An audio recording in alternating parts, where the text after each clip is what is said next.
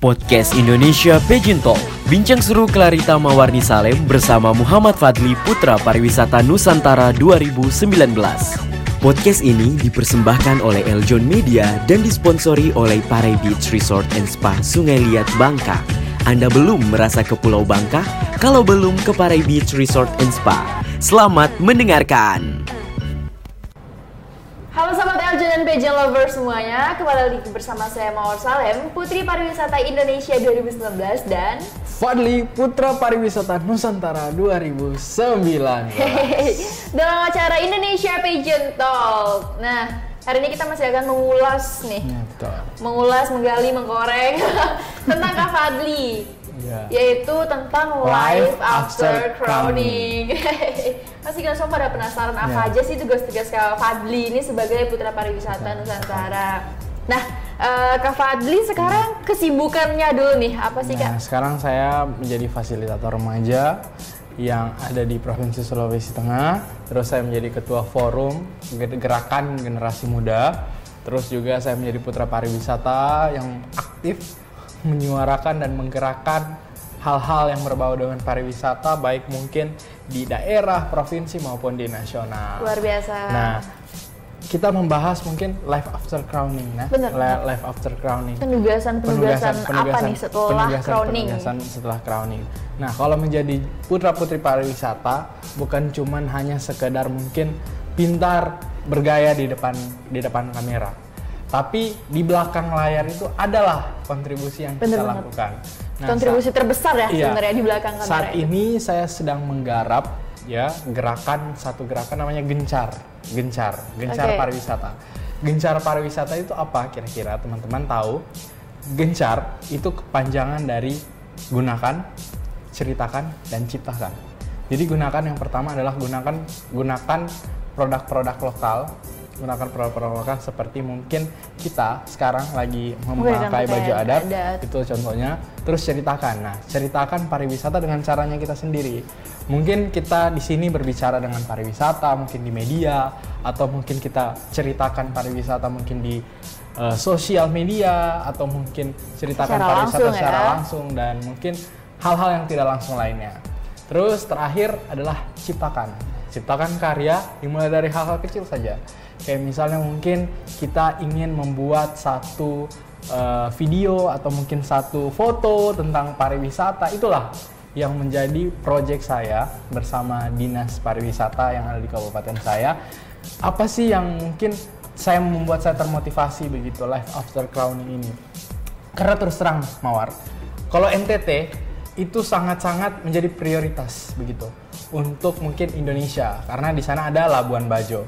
Nah, Kabupaten Tojo Una menurut saya masih sangat-sangat kurang begitu orang-orang yang aware sama pariwisata yang ada di sana. Nah, dengan gerakan ini saya ingin dan juga kabupaten saya dan provinsi saya bisa betul-betul punya gerakan, punya tagline khusus supaya nanti bukan cuman hanya sekedar dari mungkin duta-dutanya yang bisa bergerak, tapi semua masyarakat Semua yang ada di masyarakat. dalamnya. Gitu. Luar biasa sekali ya programnya Kak Fadli ini mulai eh, gencar menggunakan. Jadi itu bisa Ya. juga mendukung UKM ya. Iya, UKM. Mendukung eh, kerajinan-kerajinan masyarakat-masyarakat cik- eh, kecil Kecil ini yang mencari penghasilan mereka. Kemudian juga kita sendiri juga bisa ikut eh, melestarikan budaya Indonesia supaya nggak ada lagi tuh yang namanya menjiplak-jiplak ya. Karena Betul. budaya Indonesia itu banyak banget dijiplak mulai dari tenunnya, batiknya, tariannya, makanannya pun dijiplak.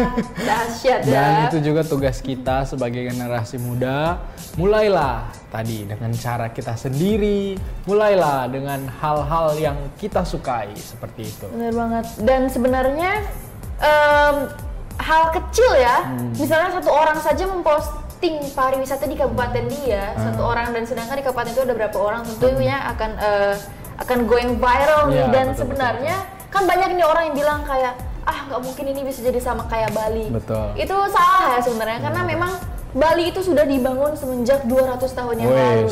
Luar biasa. Jadi eh, wajar saja kalau Bali itu sekarang memang lagi di atas Iya, ya. jadi leading sektor gitu. Iya bener banget karena memang dia sudah dibangun dari 200 tahun yang lalu. Sedangkan eh, yang baru-baru ini kan memang baru dibangun. Jadi wajar saja dia tidak seviral Bali. Tapi sebenarnya semuanya itu memiliki potensi yang sama dengan Bali. Tergantung bagaimana cara kita untuk mengembangkannya. Sebagai generasi muda. Asik. Kompak banget ya, Yes. seangkatan nih. Kuning. Kuning-kuning lagi nih.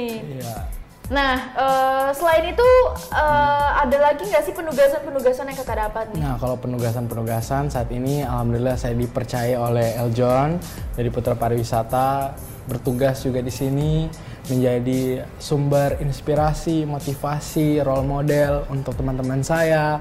Terus juga kegiatan-kegiatan yang ada di daerah dan masih banyak lagi kegiatan-kegiatan yang lain yang membuat saya sangat-sangat eh, antusias dan juga sangat-sangat eh, menyambut ini memang betul-betul menjadi berkat untuk sekeliling saya, daerah saya, provinsi saya maupun pada umumnya Indonesia. Indonesia luar biasa sekali. Jadi semoga programnya Kak Fadli Amin, bisa berjalan amin, dengan amin, lancar amin, amin, amin, untuk amin, amin, amin, amin, amin. Semoga bisa eh, ke tingkat sampai tingkat nasional ya Amin. programnya Kak Fadli ini karena itu sebenarnya bagus banget.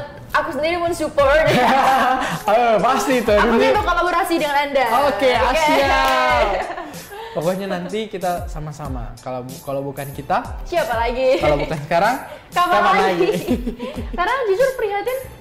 eh, jadi waktu aku mendengar tadi, aku sempat kayak aku langsung ingat Ya. beberapa budaya kita yang ditiru oleh oleh masyarakat luar dan eh, oleh orang neg- eh, luar negeri ya. Hmm. Dan ternyata setelah ditelusuri salah satu yang menjadi penyebab penyebabnya itu adalah sebenarnya kita sendiri Ya, juga. kita sendiri. Kurangnya pengakuan dari kita ya, Ya. karena eh, kita sendiri pun jarang mengekspor, jarang menggunakan. Nah, bagaimana orang sana yakin bahwa itu punya kita? Jadi mereka sebenarnya kita dengan cara kita tidak mengekspor, kita tuh memberikan kesempatan celah untuk mereka masuk nih, Betul. ambil. Nah, jadi jangan, berikan lagi kesempatan iya. untuk mereka. Ibarat kalau misalnya barang yang ada di rumah kalian, mau tidak barang yang ada di rumah kalian diambil oleh tetangga atau orang lain? Bener banget nih. Dan kan banyak sekali kayak para pemuda ini yang menganggap bahwa karena kita yang menjadi ikon maka kita yang bertugas, wah. Bukan, bukan, bukan. Bukan seperti itu, karena kita, kita hanya bisa sekedar sendiri. menjadi wakil ya. Bener banget. Untuk menyuarakan pariwisata. Nah, teman-teman yang ada di belakang atau mungkin yang ada di samping, yang ada di depan, kita berjalan sama-sama. Jangan sampai hal ini begitu teman-teman menganggap pariwisata ah cuman pariwisata. Yep. Masih ada putri, masih ada putra, Masih ada putri. masih ada duta, masih ada eh, mungkin eh, anak-anak muda lainnya yang punya pergerakan dalam bidang pariwisata. Tapi pageant lovers, jangan sampai pageant lovers hanya sekedar cuman cinta oleh orangnya tapi tidak cinta sama Wes. banget. Ngomong-ngomong tentang pariwisata, dukungan pemerintah pun perlu ya. Ya, sangat-sangat perlu. Ngomong-ngomong tentang dukungan pemerintah nih, bagaimana sih dukungan pemerintah sendiri terhadap eh, di Kabupaten Kakak? di kalau misalnya dukungan pemerintah yang ada di kabupaten saya sangat-sangat mendukung khususnya untuk Bapak Bupati Pak Ahmad Lahai. Terima kasih Pak sudah memberikan kesempatan kepada kami anak-anak muda dan menurut saya dengan cara sekarang anak muda bukan menjadi pemimpin di masa depan, tapi anak muda menjadi pemimpin di masa sekarang. Di masa sekarang. Karena terbukti Mawar, umur-umur kita sekarang seperti misalnya ada beberapa contoh yang menjadi staf presiden dan juga para para menteri itu masih terbilang sangat muda. Sangat muda, sangat, benar sangat sekali. muda dalam sumbangsi ide pemikirannya. Nah, tidak menutup kemungkinan teman-teman kita menjadi salah satu eh, apa namanya mewakili suara, menjadi menjadi voice, menjadi salah satu mungkin inspirasi, menjadi salah satu motivasi, menjadi salah satu role model untuk teman-teman kita yang bergerak dalam bidang pariwisata. Bener gitu. banget. Dan juga sebenarnya kehadiran kita di sini dengan usia Kak Fadli yang masih muda juga Amin. bisa menjadi inspirasi nih buat eh, teman-teman sekalian yang menganggap bahwa kita itu masih kecil. Mm, masih sangat-sangat belum bisa diperhitungkan tapi sangat sangat sangat bisa sekali. Karena dengan anak muda idenya yang sangat-sangat bagus Dan cemerlang menumpuk. menumpuk dan bisa mengguncangkan dunia. Setuju banget karena kenapa dibilang anak-anak yang eh, kita bisa menjadi pemimpin karena sekarang itu dipenuhi dengan seusia kita. Ya, Jadi betul. emang karena mereka pasti akan mendengarkan kita karena kita seumuran nih, kita seangkatan. Dan banyak juga eh, pemenang-pemenang ajang-ajang pageant yang juga umurnya masih muda banget. Jadi terbukti banget bahwa anak-anak milenial ini bisa menjadi pemimpin di masa sekarang nih. bukan di masa yang akan datang tapi di masa yang sekarang, masa sekarang. dan juga di masa yang akan datang. Benar banget. Nah, Kak Fadli, Heeh. aku pengen tahu nih persiapan kakak. Oh, jadi kakak ini ikut dari kabupaten, provinsi, kemudian sampai nasional, ya? Nah, Jadi Persiapannya itu gimana? Jadi persiapannya itu saya selalu lomba bukan kebetulan. Jadi tidak ada kata kebetulan. Kalau misalnya saya lomba, alhamdulillah selama pageant-pageant daerah, pageant-pageant provinsi, pageant-pageant nasional, alhamdulillah saya juara satu begitu. Dari sebelumnya saya merupakan beberapa alumni-alumni pageant selain pariwisata, saya juara satu. Jadi saya membagi tips buat mungkin pageant lovers atau mungkin penonton sekalian yang mungkin nanti ikut pageant begitu. Yang pertama teman-teman lakukan adalah persiapan. Karena kalau misalnya teman-teman persiapan, kalian tidak takut untuk berjuang, betul? Bener banget. Betul. Jadi misalnya dengan persiapan yang maksimal, segala sesuatu teman-teman bisa taklukkan. Yep. Asal teman-teman jangan sampai takabur, jangan sampai sombong, jangan sampai ini menjadi hal yang saya juara untuk mencari selempang Yep, gitu. bener. Terus yang kedua, cara saya adalah bisa menjalin kemitraan. Karena pageant itu esensinya adalah bukan cuma kita yang berjuang, Tapi tapi kerjasama. orang-orang Iya, kerjasama bener ya, orang-orang yang ada di sekelilingmu dan di daerahmu begitu. Karena nantinya teman-teman kita memerlukan beberapa voting, Iya, bener beberapa banget. dukungan dari Jadi sponsor ya. carilah link di mana-mana ya, Iya. dukungan di mana-mana. Iya, siapa bilang misalnya ikut pageant harus kaya dulu. Misalnya no. ikut pageant misalnya harus misalnya punya banyak duit atau mungkin harus punya banyak sponsor dan lain sebagainya. Nah, caranya teman-teman kalau misalnya teman-teman masih kurang, yang penting teman-teman ada niat. Sarannya teman-teman guide orang punya mungkin eh, beberapa holder, punya Yep. beberapa eh, kekuatan Yang begitu memang bisa membantu ya. yang bisa membantu asal berbanding lurus dengan teman-teman punya kemampuan Bener begitu banget. dan sangat-sangat related.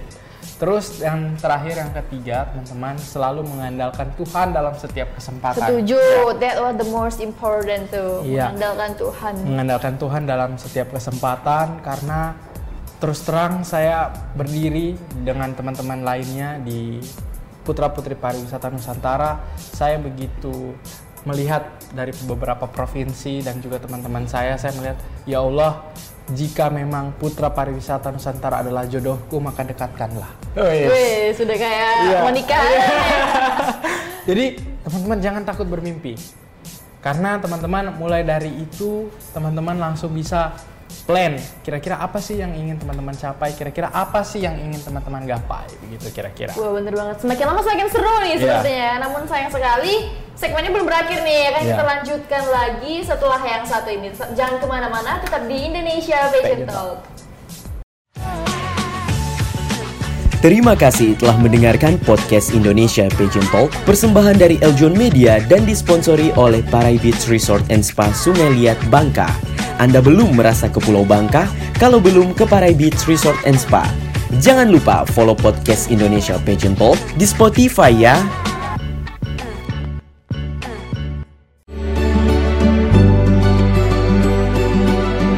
New Normal Parai Beach Resort and Spa Sungaliat Bangka.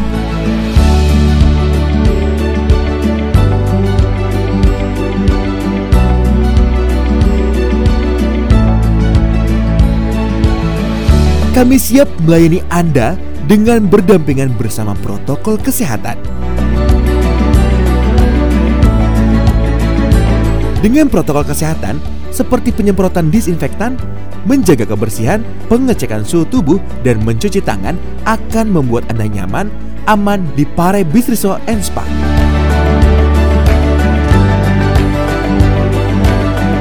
Pare Beach Resort and Spa Sungeliat Bangka siap menghadapi era new normal.